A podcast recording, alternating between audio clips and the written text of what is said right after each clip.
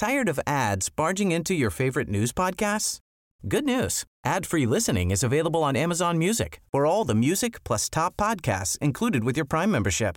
Stay up to date on everything newsworthy by downloading the Amazon Music app for free or go to amazon.com slash news ad free. That's amazon.com slash news ad free to catch up on the latest episodes without the ads. Say hello to a new era of mental health care. Cerebral is here to help you achieve your mental wellness goals with professional therapy and medication management support. 100% online. You'll experience the all new Cerebral Way, an innovative approach to mental wellness designed around you. You'll get a personalized treatment plan from a therapist, prescriber, or both in a safe and judgment free space. Your cerebral therapist or prescriber will outline a customized plan with clear milestones along the way so you can get to feeling your best. With Cerebral, you're not alone in your mental health journey. We're here to empower you to live a fulfilling life. So take that first step towards a brighter future and sign up today at cerebral.com slash podcast and use code ACAST to get 15% off your first month. Offer only valid on monthly plans. Other exclusions may apply. Offer ends July 31st, 2024. See site for details.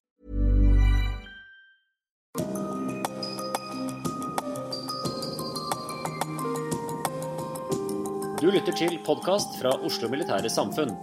Besøk vår hjemmeside oslomildsamfunn.no, og se oss også på Facebook, Twitter og LinkedIn. Jeg må inn i det foredraget med å presisere at jeg er her som privatperson. Det blir aldri helt slik.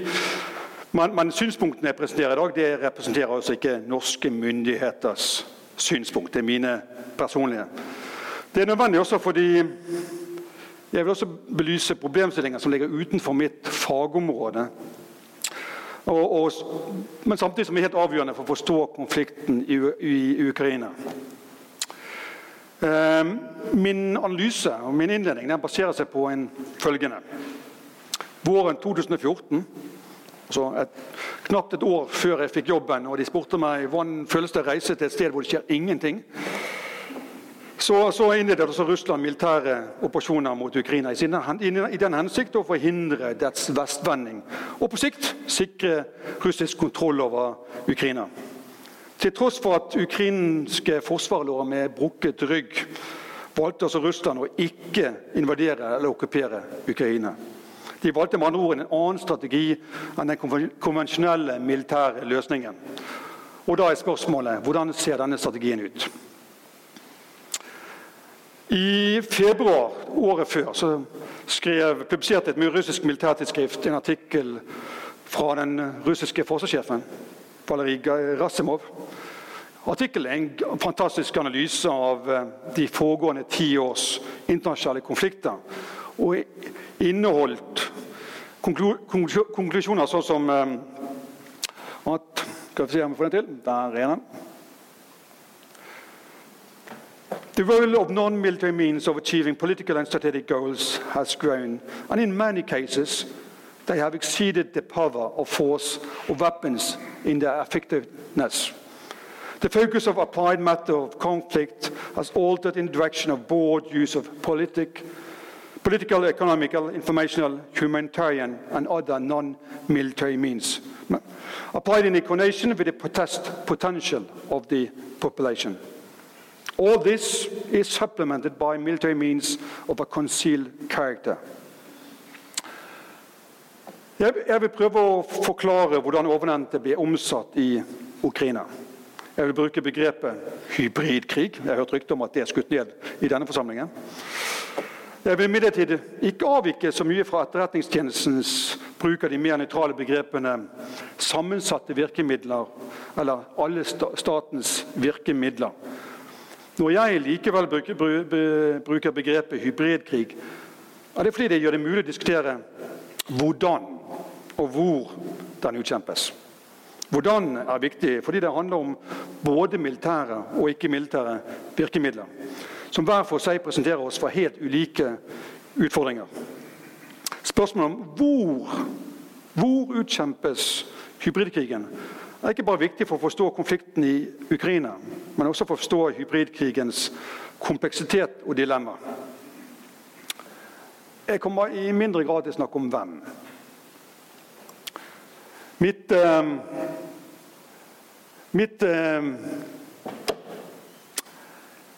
eh, Mitt foredrag er basert på det uomtvistelige faktum at Ukraina er utsatt for russiske aggresjoner.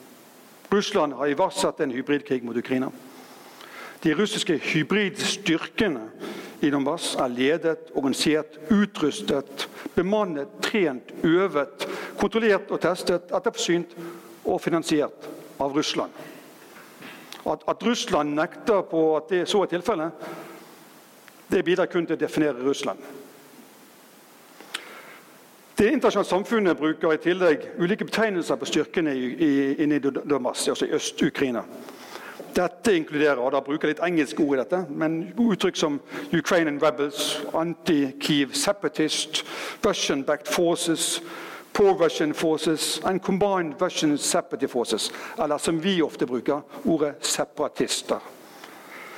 De har alle det til felles at de ikke beskriver realitetene og enten ende opp med å understøtte den russiske historiefortellingen, eller eh, de støt, definerer Russland som en, i en støttende funksjon. Det første er altså direkte feil, og det siste er misvisende. Så Begrepet russiske hybridstyrker er etter min mening mer dekkende. Det identifiserer aggressor, det indikerer en organisasjon og en struktur. Samtidig som begrepet åpner for at lokalt rekrutterte ukrainere faktisk utgjør en del av strukturen. I så tillegg så minner ordet hybrider som konfliktens sammensatte natur. Ok. Det er naturlig å starte med forestående, altså med starten. Ikke minst fordi den inneholder aspekter som er viktige for å forstå Ukraina. Euromadan har gått inn i de ukrainske historiebøkene som 'Revolution of Dignity'. En, en, veldig god beskrivelse av en demonstrasjon uten sidestykke i europeisk moderne historie. Måten Euromadan ble gjennomført på, speiler etter min oppfatning ukrainske folk. Den oppstår like spontant som den ble spontant organisert. Den ble gjennomført med en utrolig selvbeherskelse, disiplin, fokus og verdighet. Det var mulig fordi Ukraina hadde alle nødvendige demokratiske institusjoner. Det var ikke minst mulig fordi ukrainske folk er utrolig demokratisk moden og engasjert. Jeg kommer litt tilbake til det. Dette kommer kanskje best til uttrykk gjennom hva som skjedde når konflikten var et faktum. I 2014 bidro de frivillige organisasjonene til, inn, til innsamling av et kvart forsvarsbudsjett. Smak på den. Et kvart forsvarsbudsjett. De etablerte frivillige bataljoner som forhindret konflikten fra å spre seg da det ukrainske forsvar var ute av stand til det. De ivaretok Forsvarets logistikkorganisasjons ansvar da dette logistikksystemet kollapset. De organiserte mottak av mottiltak mot den russiske informasjonskrigen, og de engasjerte seg i reformprosessen. Valget av eh, ny president og regjering markerer derfor på mange måter en ny start for Ukraina. En start preget av en nasjon uten et troverdig forsvar. Med en oligarkkontrollert økonomi, en tom statskasse, en grenseløs korrupsjon, enorme sosiale ulikheter, en nedslitt infrastruktur og null energisikkerhet. I tillegg også en oppstart preget av at Krim var annektert og eh, nasjonen var under angrep. Den russiske aggresjonen hadde til gjengjeld gjen, uh, forent den ukrainske befolkningen på en måte som Russland sannsynligvis aldri hadde forutsatt. I fraværet av en type aktøranalyse antok også Russland at ukrainere var som dem. Det var feil, og det er fortsatt feil. For Det er nettopp en unik, engasjert, demokratisk moden befolkning som gjør at Ukraina fortsatt slåss for sin selvstendighet og dette faktum mine damer og herrer, vil også påvirke konfliktens videre forløp.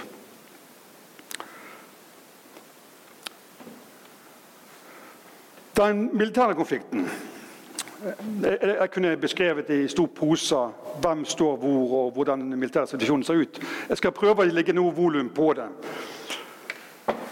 Våren 2014 så holder altså verden pusten. Etter å ha blitt overskredet av både Euromadan, den påfølgende regimeskiftet, den russiske anneksjonen av Krim og den, de russiske aggresjonene inne i Dobas, fryktet mange at ukrainerne Ukraina kunne stå foran en fullskala russisk invasjon. Det er tre år siden. I dag omtaler verken norsk eller internasjonal presse knapt konflikten. Konflikten Ukraina har på lik linje med Afghanistan, Libya, migrasjonskrisen blitt den nye normalsituasjonen og tiltrekker seg derfor knapt mediets oppmerksomhet. Derfor er det et tankekors at sikkerhetssituasjonen i dag er også mer alvorlig enn den var for tre år siden. Den er mer alvorlig i dag, tre år senere. Påstanden er begrunnet i flere utviklingstrekk, de kommer jeg tilbake til, men også konfliktens inngangsverdi. Ukraina er også ment å tape, sett med russiske øyne, selvsagt. Samtidig kjemper Ukraina for sin suverenitet med stadig større selvtillit og kapasitet. Dets militære kapasitet styrkes daglig. Nasjonen har, til tross for konflikten, gjort en bemerkelsesverdig fremgang. De har gjort også mer reformer de siste tre årene enn de foregående 20 vi ser sågar de første positive økonomiske indikatorene.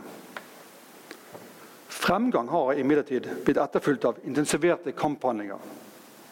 Dette er ikke bare et tegn på at de russiske målsettingene er uendret, men også en indikator på at konflikten vil kunne endre karakter som nødvendig for å sikre at ønsket endstate oppnås. Det er tre utviklingstrekk som, som er dimensjonerende. Voldsnivået. Voldsnivået, Til tross for det vi leser i media, eller ikke leser i media, så har det også økt kontinuerlig siden konflikten startet. Dette er ikke bare reflektert i antall våpenhvilebrudd eller mengde ammunisjon som benyttes. Det er også reflektert i antall drepte og skadde på begge sider av fronten. igjen. Det er ikke minst reflektert i sikkerhetssituasjonen for de internasjonale operatørene som opererer i Ukraina. Som dere alle vet, I går mistet SMM sin første observatør da bilen han satt i, sannsynligvis traff en mine under patrulje på de midlertidig okkuperte områdene ved Prussub, hvor de to andre i bilen ble skadd og sendt til sykehuset i Luhansk. Det blir spennende å se hva det utløser. I tillegg så har vi også en profesjonalisering av de russiske hybridstyrkene. Hvor konflikten i øst begynte, ble av en 350-400 mann består de russiske hybridstyrkene i dag av to armeer. Dette utgjør tolv brigader, mine damer. Organisert utrustet etter en modell av russiske mekaniserte brigader. Hybridstyrken består, består også av rundt 36 000 mann, 480 stridsvogner, 850 pansrede kjøretøy, 37 artillerisystemer, mer enn 400 luftvernsystemer og 200 multilaunch rocket systems. De russiske hybridstyrkene de har også like mange stridsvogner som henholdsvis Frankrike, Tyskland og Storbritannia. Og de har like mange pansrede kjøretøy som Frankrike, Tyskland og Storbritannia til sammen. Um, I tillegg så er styrken blitt profesjonalisert i løpet av den perioden som har gått. Dette er en styrke som er blitt bygd opp i løpet av de første par årene. Alle sentrale lederpersoner bekles i dag av russiske regulære offiserer. Man anslår at knapt 30% av soldatene er rekruttert lokalt. Øvrige antas å være russiske regulære soldater, leiesoldater eller kontraktører. Den eh, russiske hybridstyrken gjennomgår kontinuerlig og intensiv trening og øvingsaktivitet. Og den ble erklært full operativ allerede i desember 2015. Beredskapen verifiseres jevnlig av sjefen for det søndre militærdistrikt, også Rostov-Andon i Russland. Og Hybridstyrken støttes av regulære russiske avdelinger inne i Donbass. Dette gir tilgang til bl.a. kommandokontroll, elektronisk krigføring og ISR, overvåkningsbilder fra droner og overvåkningsfly som opereres ut fra Russland. I tillegg til det de selv har av taktiske droner. Ukraina kjemper med andre ord ikke mot såkalte separatister, men mot to regulære og godt utrustede armeer.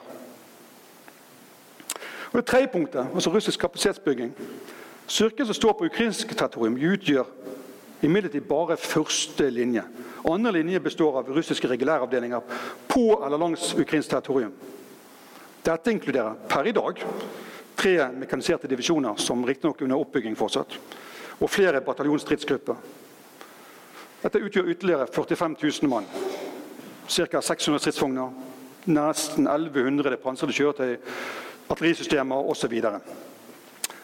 Russland har også benyttet de siste tre årene til å tilføre regionen nye kapasiteter som samlet sett medfører at Ukraina i dag står overfor en større militærtrussel enn våren 2014.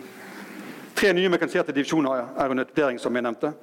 Permanente baser og avdelinger under oppbygging langs den ukrainske grensen. Kommunikasjonslinjen, de tog utbedres. De rundt 20 flyplassene i Ukrainas nære utland har blitt tilført nye moderne kampfly og. Man anslår fra ukrainsk side at av en ca. 450-460 jagerfly, så er en tredjedel av disse state of det siste, nyeste de har. Med helt andre kapasiteter enn de hadde tidligere. Og denne utviklingen fortsetter. De kvalitative endringene medfører en mangedobling av kapasiteter. Og Russland har allerede i dag en betydelig anti-access air denial-kapasitet på Krim, samt evnen til å ramme mål på tvers av Ukraina, fra fly og fartøy, fra nord, øst og syd. Hva betyr dette? Vel, Ettersom de russiske hybridstyrkene må anses som fullt interoperable med de russiske regulære styrkene, altså de kan operere fullt ut sammen, står Ukraina i dag for, overfor mer enn 81 000 mann. I dag. Mer enn eh, 1000 stridsvogner og mer enn 2000 pansrede kjøretøy. bare for å nevne noen av systemene i dette. Men det utgjør også fortsatt ikke den reelle trusselen. Det er bare et øyeblikksbilde.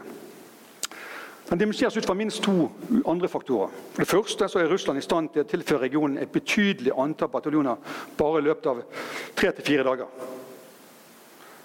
Eh, Russland har også ennå til gode å ta i bruk hele spekteret av militære kapasiteter. To veldig viktige poeng. Det betyr at sikkerhetssituasjonen av ovennevnte grunner er uforutsigbar. Og i dag mer alvorlig enn det var for tre år siden. Den militære konflikten utkjempes i dag på de områdene hvor Ukraina er sterk. Merk det. Ukraina er sterk på landsiden i dag. Dets kritiske sårbarheter, sårbarheter imidlertid har aldri blitt utfordret så langt. I det øyeblikket dagens konfliktdesign endres, endres også sikkerhetspolitiske situasjonen dramatisk. Kan vi der? Når det er sagt, blir det desto viktigere å presisere at Russlands militære innsats i Ukraina per i dag ikke er dets main effort. Den militære dimensjonen av hybridkrigen skjer i parallell med og bidrar til å styrke effekten av de ikke-militære virkemidlene. Den bidrar til å destabilisere Ukraina, tvinge nasjonen til å omprioritere dets begrensede ressurser, bidrar til å svekke Ukraina økonomisk, understøtte informasjonskrigen og dermed bidra til å undergrave Ukrainas omdømme. Men mest viktig er kanskje at den lammer Vesten. Vi kan altså ikke spille de militære kortet fordi Russland spilte det først. I motsetning til øvrige virkemidler står militærmakt likevel i en særstilling. Det er også viktig å si. For hvor øvrige, til, hvor øvrige tiltak krever strategisk tålmodighet, fungerer militær, militærmakt som en lysbryter. Av på. Fred i dag, krig i morgen. Militærmakt gjør det mulig å, å fundamentalt endre den strategiske situasjonen over natten. La meg derfor være tydelig. Til tross for den alvorlige militære situasjonen og de negative utviklingstrekkene Bryterne står i dag på av. Ikke fordi mennesker ikke skades eller drepes, men fordi konflikten kan utmerket godt bli til krig. Russland har ikke til hensikt å tape denne konflikten. Tired of ads barging into your favorite news podcasts? Good news. Ad-free listening is available on Amazon Music for all the music plus top podcasts included with your Prime membership. Stay up to date on everything newsworthy by downloading the Amazon Music app for free or go to amazon.com slash news ad free. That's amazon.com slash news ad free to catch up on the latest episodes without the ads.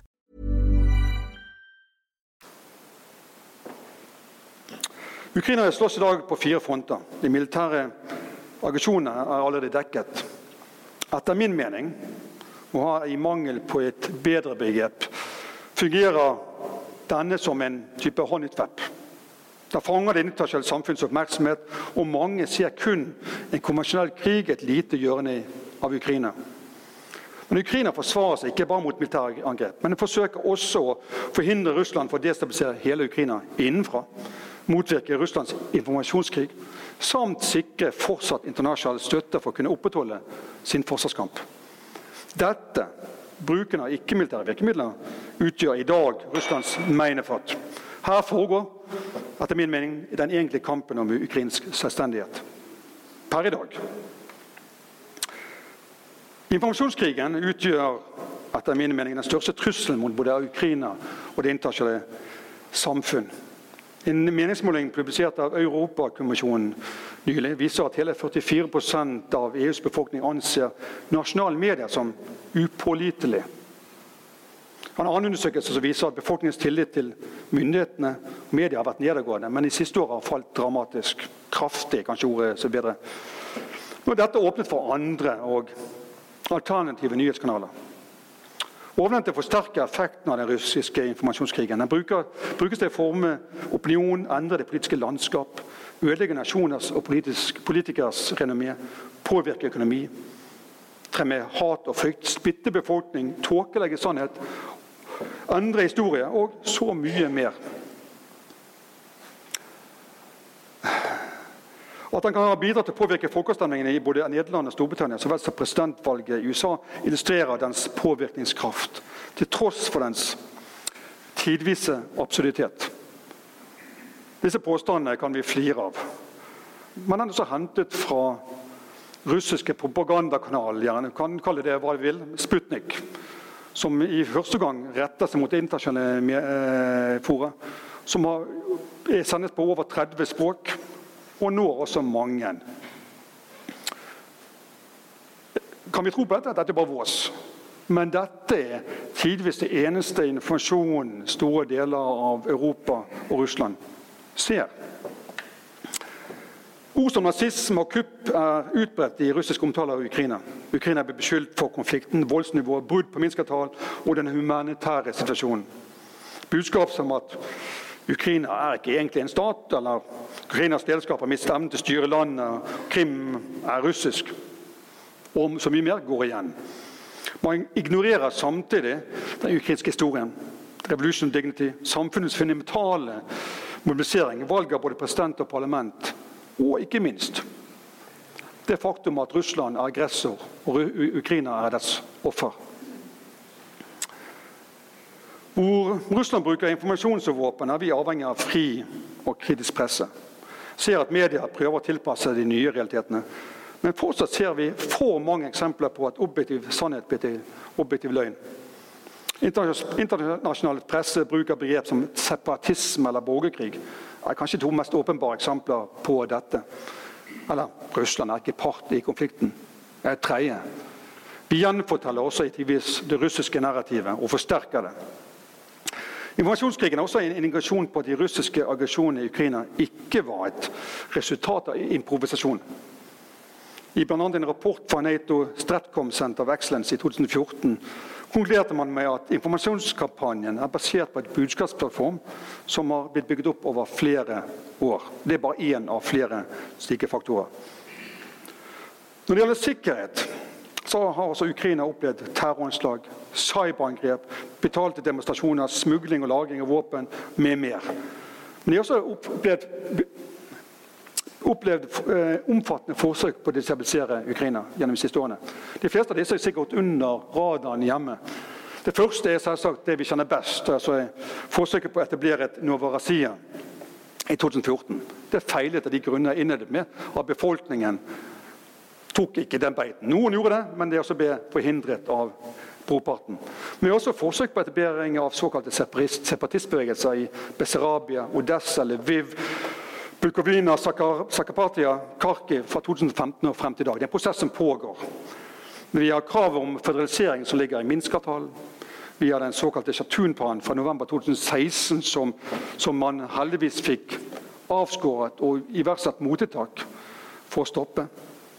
Og vi har ikke minst sett en rekke politiske initiativ som tilsynelatende forsøk på å øke regional selvstendighet på bekostning av myndighetene, sentralt. Ikke desentralisering som kjenner, men også andre tiltak.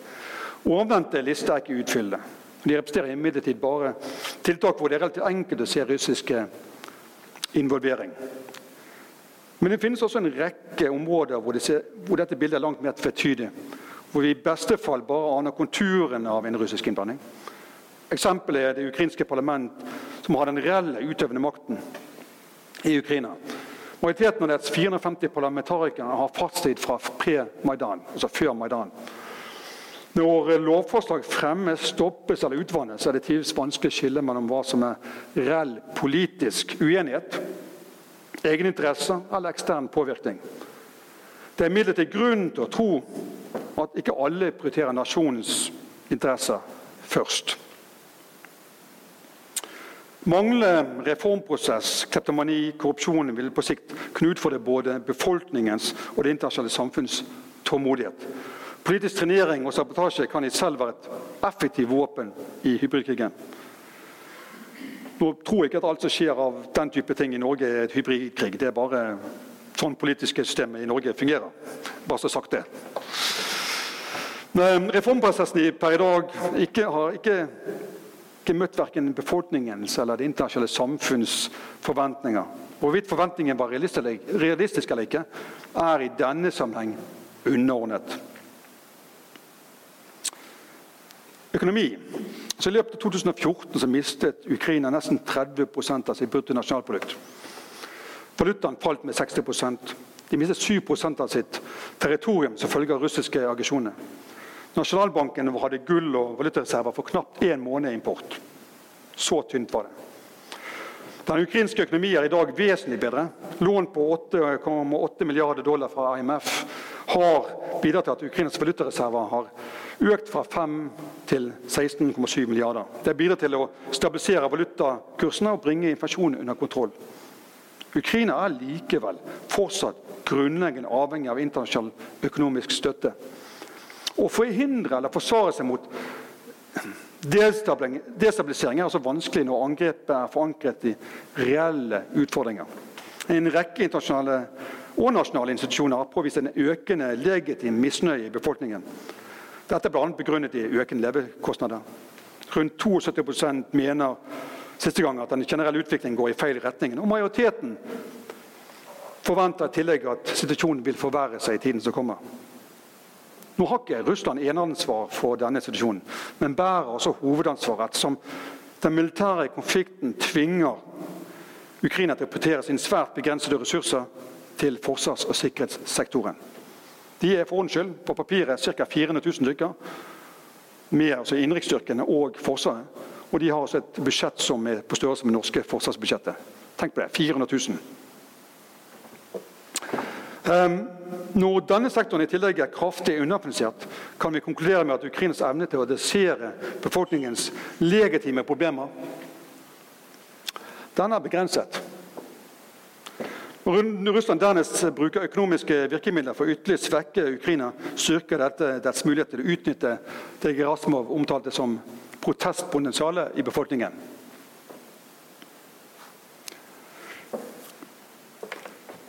Russland bruker sin innflytelse i alle internasjonale fora for å påvirke verdens persepsjon av både Russland og Ukraina, men også sikre at verdenssamfunnet respons i størst mulig grad tjener russiske interesser. Ukrainsk anmodning om FNs fredsbevarende styrker blir stoppet. OSSE-misjonen i Ukraina har tilsvarende blitt utfordret gjennom et kompromiss mellom 57 nasjoner, hvor det ene av dem også er aggressor. Russland bruker Normandie-formatet og Minsk-forhandlingene til å distansere seg fra rollen som aggressor og insisterer på at Ukraina må forhandle med disse såkalte separatistene.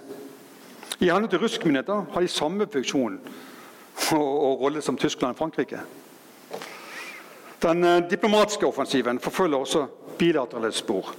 Hvor bruker, Russland bruker pisk og gulrot for å splitte det internasjonale samholdet. Vi ser stadig flere nasjoner som tar opp igjen samtaler og kanskje sågar handelen også med Russland. Utsagn som usaklige og virkelighetsfjerne antirussisk retorikk som brukes av våre norske partnere. Eller alle antirussiske handlinger skal få et proporsjonelt svar. Eller forholdet mellom Norge og Russland er utilfredsstillende. Eller norsk deltakelse i rakettskjoldet vil sette våre grenser i fare. Kan være eksempler på den type press. Og hvis jeg lurer på hvor det kommer fra, skal jeg gå inn på hjemmesiden til den russiske ambassaden i Oslo. Det handler også om å svekke ukrainsk omdømme, svekke internasjonalt samhold, fjerne sanksjoner mot Russland og redusere støtten til Ukraina. Men det handler kanskje mest om å binde det internasjonale samfunnet på det politiske sporet. Forhindre at andre alternative løsninger kommer på bordet. Ja, Hvilke forventninger har jeg da til morgendagen?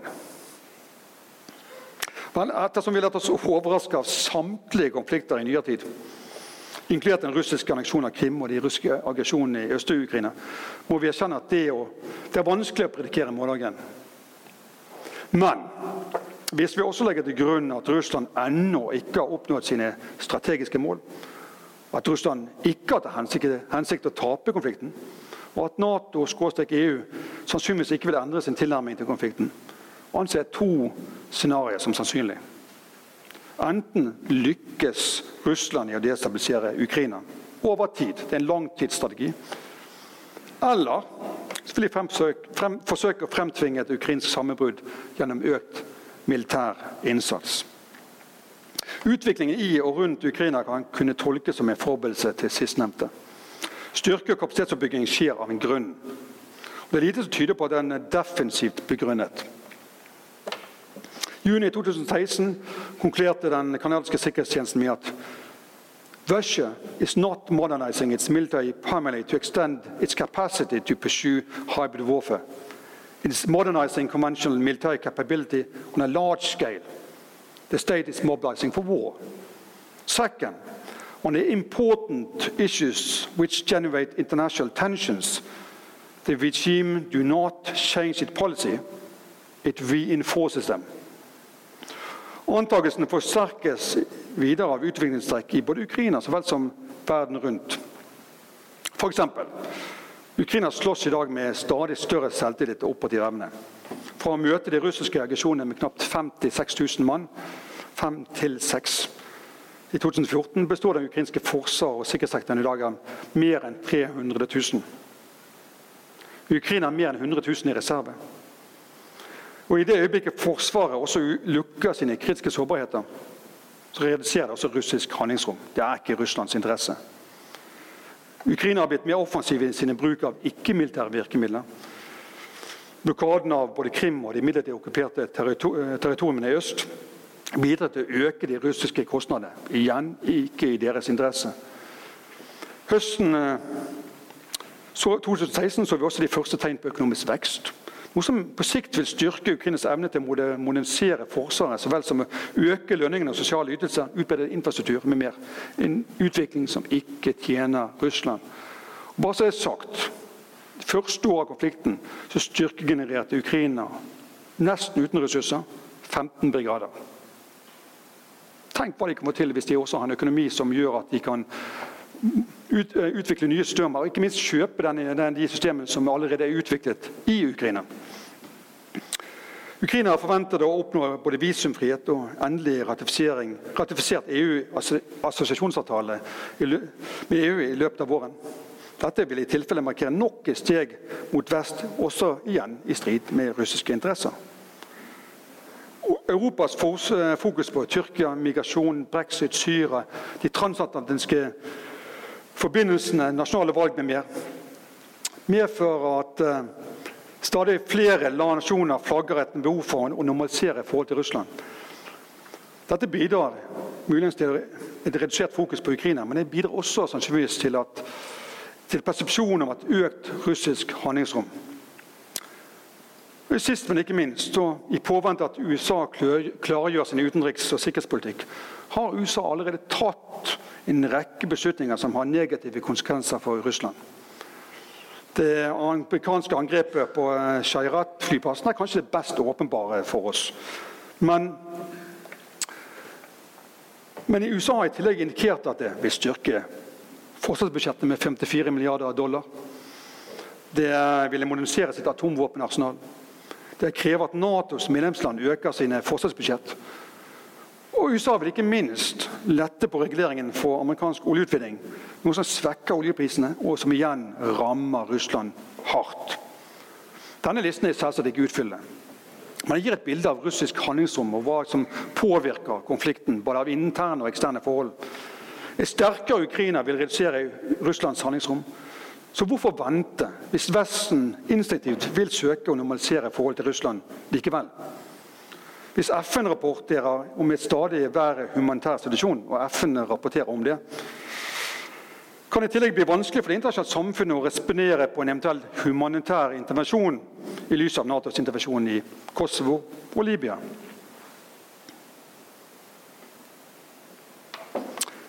Jeg lar meg derfor igjen referere til general Gerasmos artikkel fra februar 2013, hvor han skriver The open use of force, often under the guise of peacekeeping and crisis regulation, is resorted to only at a certain stage, primarily for the achievement of final success in a conflict.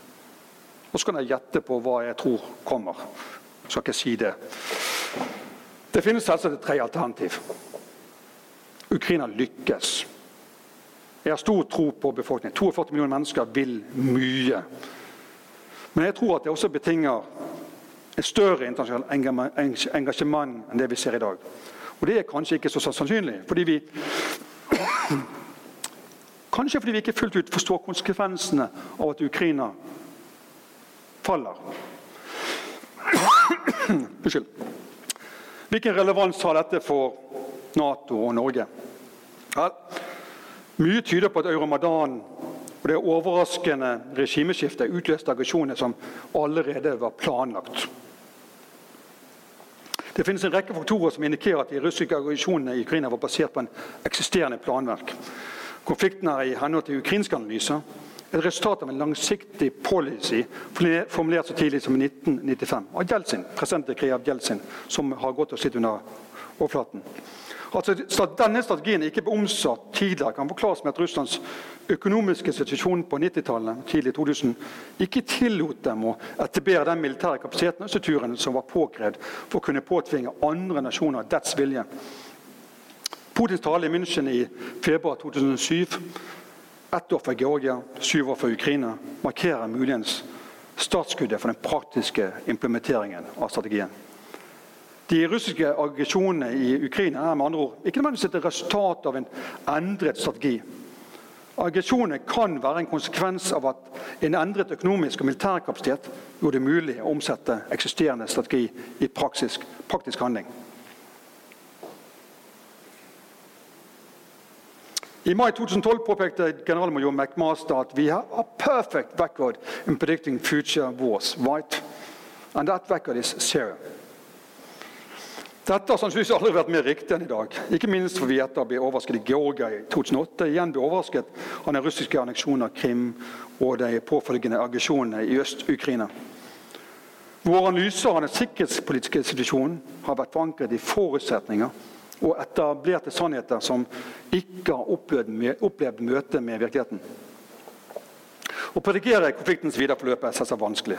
For å kunne treffe med en rimelig grad av nøyaktighet må vi kunne som en minimum skille mellom forutsetninger og fakta. Det er, for å sitere Michael Coffman, rom for en mer balansert, informert og nyansert forståelse av Russland. Som han sier i sin artikkel her, at perhaps the greatest woe of discussion of Russia military strategy and decision making is the constant seesaw between two extremes. Too often we engage in an assigned debate as to whether Russia's military is five feet or 12 feet tall. Assessment tends to track more closely with where one sits in a policy making or national security establishment versus where, where the Russian military actually is and what it can do.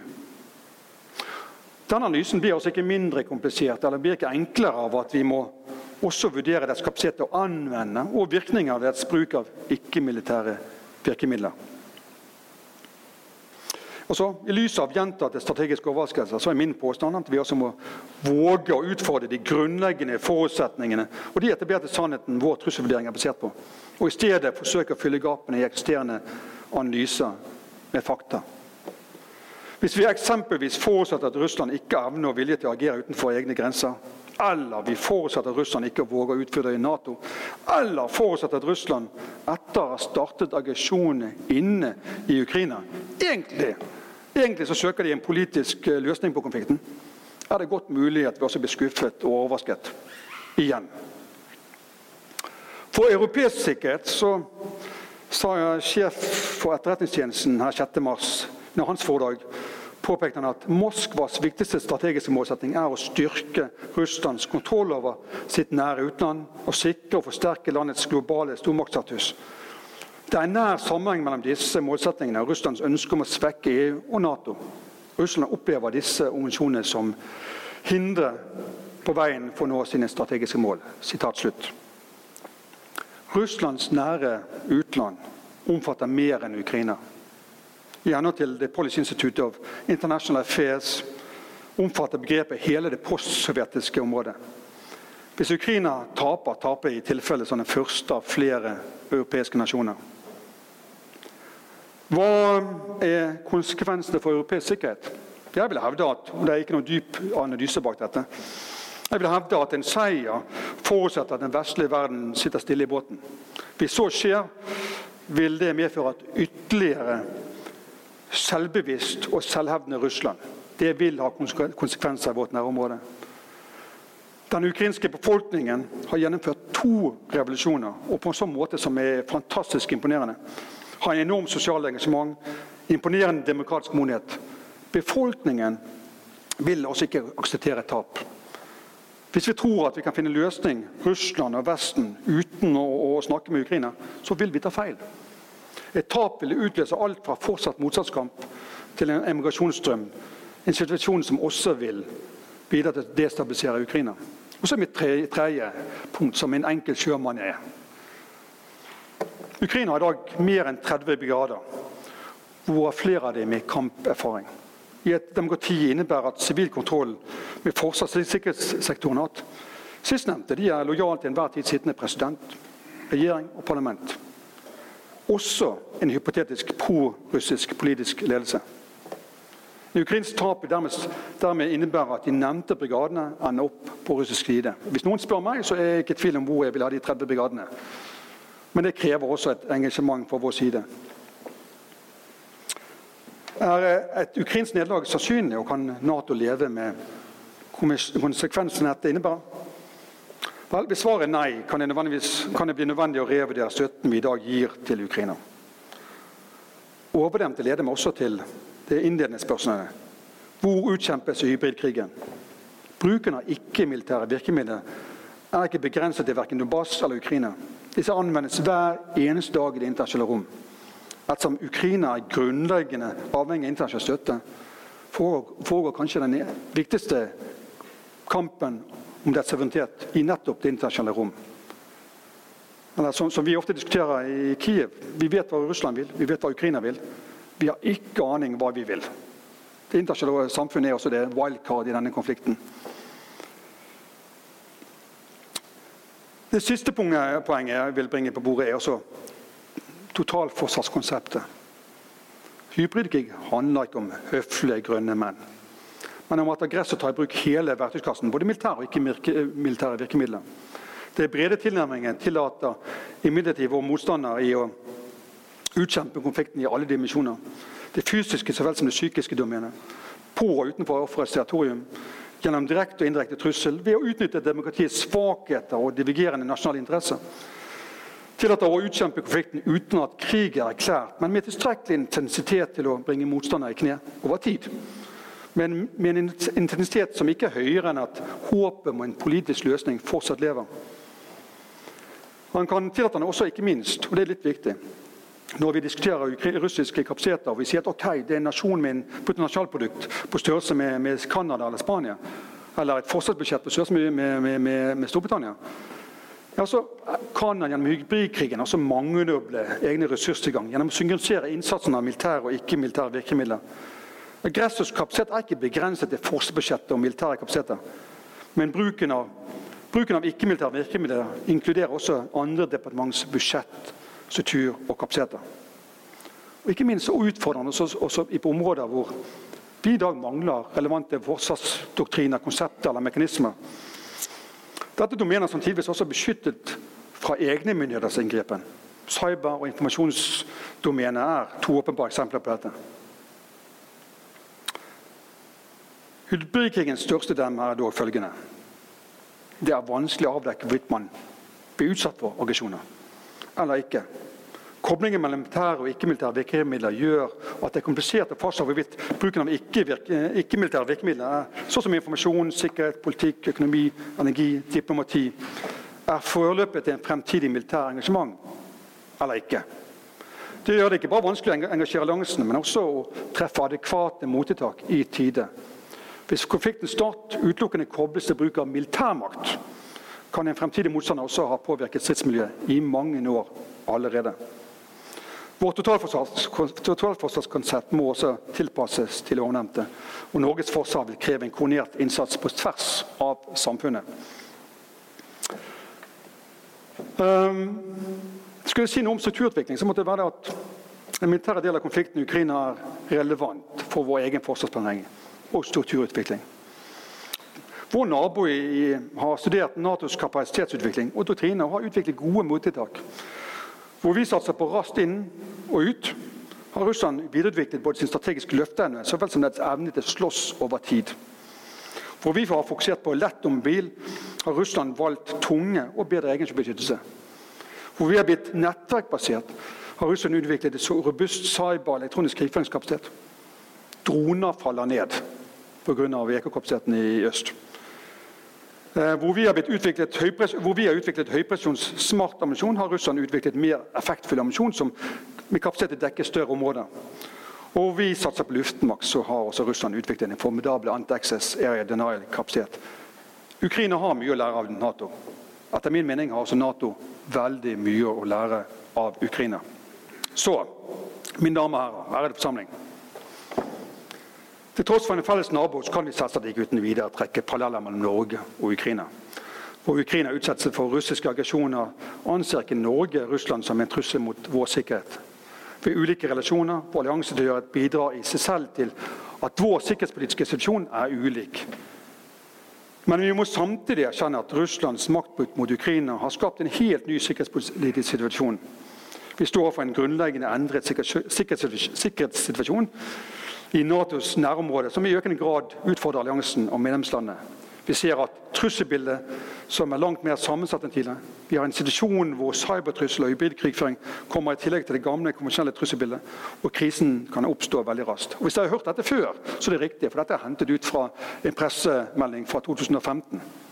For et par år siden. I henhold til, til Bismarck altså Russland aldri så sterk som den virker, men heller aldri så svak som man antar. Og Jeg antar at vi kan bruke samme begrepet på Nato. De russiske aggresjonene i Ukraina har demonstrert evne og vilje. Og bruk av militærmakt er ikke annet enn en praktisk omsetning av dets langsiktige mål. Usikkerheten dette skaper, vil måtte få konsekvenser for vår innretning. En av de viktigste lærdommene fra Ukraina er at man slåss med det man har, ikke med de kapasitetene man ønsket at man hadde. I en situasjon hvor vi står for en uforutsigbar sikkerhetspolitisk situasjon, må vi også ha, våge å utfordre, utfordre, forutsetningene og de etablerte sannhetene som våre trusselvurderinger er basert på. Ukraina har mye å lære av Nato, har Nato veldig mye å lære av Ukraina. Så etter min mening så har vi behov for litt mer robuste løsninger. Ikke bare Forsvaret, men også samfunnet for øvrig. Ukraina har demonstrert at viktigheten av å kunne mobilisere hele samfunnets ressurser ved behov. Så igjen, dette var mine egne synspunkter og representerer ikke noe annet enn mine egne personlige betraktninger.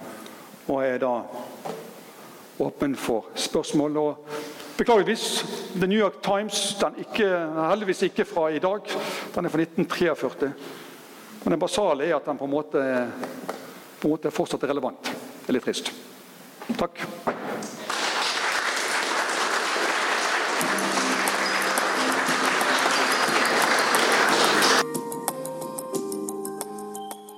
Hørt podkast fra Oslo Militære Samfunn.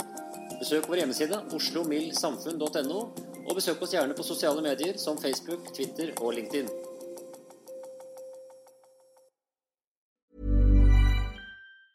Tired of ads barging into your favorite news podcasts? Good news. Ad-free listening is available on Amazon Music for all the music plus top podcasts included with your Prime membership. Stay up to date on everything newsworthy by downloading the Amazon Music app for free or go to amazon.com slash news ad free. That's amazon.com slash news ad free to catch up on the latest episodes without the ads.